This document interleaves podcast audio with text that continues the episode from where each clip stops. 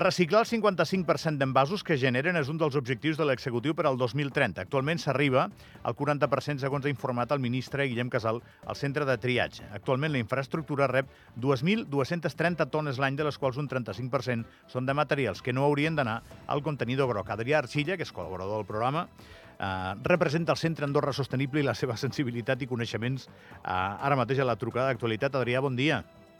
Bon dia, Gavi, què tal? Com vas? Bé, tot bé.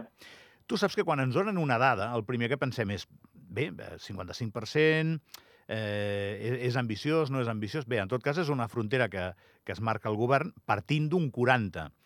Aquest 40, respecte al nostre entorn, que és el que et volia preguntar, Adrià, està bé, malament, regular, anem bé? Com ho fem aquí a Andorra, això?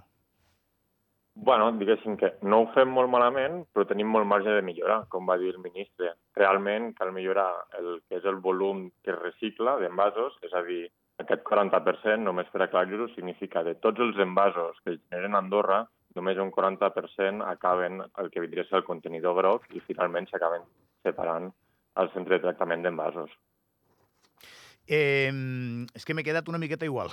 Adrià, a veure, eh, és un tema de conscienciació, és un tema d'efectivitat, és un tema de... Mm, no sé, és un tema de la gent o és un tema institucional? Ajuda'm. Eh, bueno, jo, jo crec que no es pot separar perquè al final és un tema de, de compromís tant institucional com a nivell personal.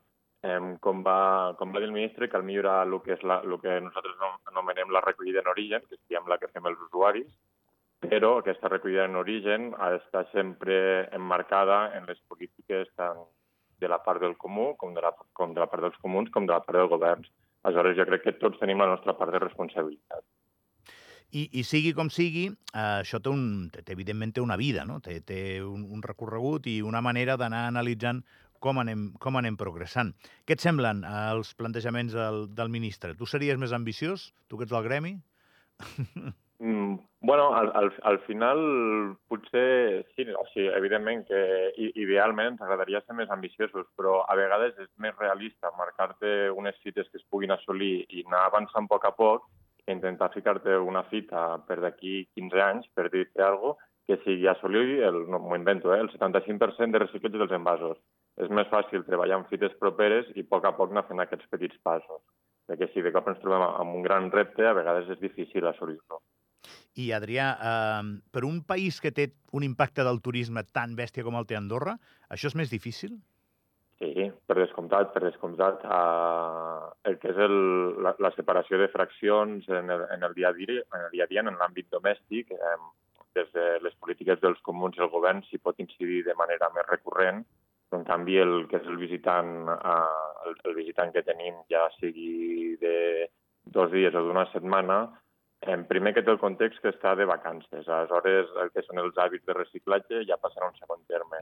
I segon que eh, molts cops succeeix que les polítiques o la separació de fraccions pot ser lleugerament diferent de, dels països de l'entorn i això acaba dificultant només, sumat a que probablement falta infraestructura pues, a nivell dels apartaments, um, dels apartaments turístics, dels hotels, que això també és feina de, de l'executiu i dels comuns també d'arribar-hi és que hem de pensar quin comportament tenim nosaltres quan som turistes i quin comportament tenim quan estem a casa. I jo crec que no és el mateix. Encara que no tinguem molt mala voluntat de contaminar-ho tot, però crec que no és el mateix. Has donat just el clau, perquè al final estem de vacances i les obligacions passen a un segon terme.